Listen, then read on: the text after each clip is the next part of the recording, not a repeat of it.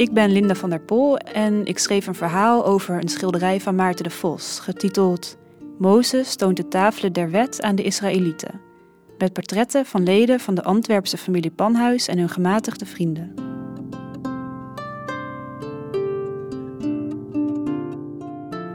De teen van Mozes. Rechtsvoor, geknield meisje, kruik onder haar arm, tien jaar oud.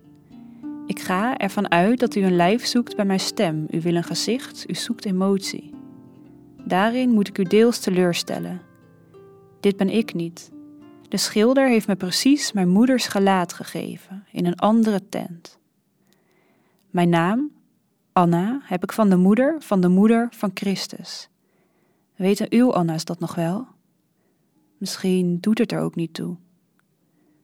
Het beest vergeet, verbergt niets, is altijd volkomen eerlijk, weet niet hoe het een rol moet spelen. Rondspringend van s morgens vroeg tot s avonds laat, van dag tot dag, het eet, rust, verteert, springt weer op. Het weet niet wat gisteren of morgen is, is zich alleen in het moment van zijn lusten en onlusten bewust, raakt niet zwaarmoedig, niet vermoeid. Bij ons op het doek nog geen hond. Ik zie u denken, die koopvaarders durven wel zich te laten portretteren als de Israëlieten, het volk van Mozes. En met de geboden: U zult geen andere God aanbidden. En de verafgoding van koning en geld dan? Het goud vloeit, dat is waar, maar dat is van Gods tabernakel.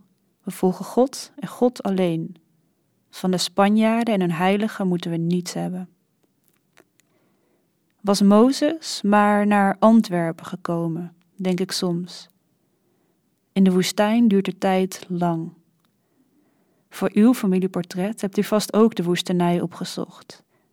In witte t-shirts bij de branding of in een oerbos onder de dikste boom. Het is makkelijk geworden, hè, met die camera's en telefoons? Misschien zo makkelijk dat u gedachteloos duizenden foto's trok, maar nooit één goede, nooit één complete. Naar mij kwamen Peter, Margje, Bart, Janneke, Jill, Jan, Servaas, Babs en twee Pieters.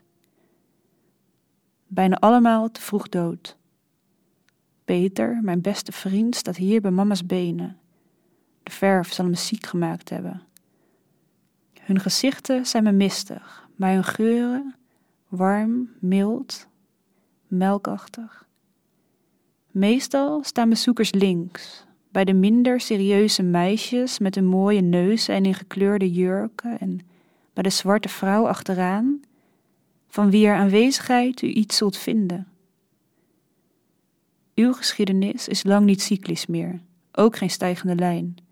De helft van al wat leeft op aarde is verdwenen, u maakt geen opmars naar een paradijs. U bent postmodern, u heeft geen grote verhalen, maar ontelbaar veel individuele ervaringen. Doe me daarom een plezier, zet één stap opzij, let mij uw meeltijd ruiken.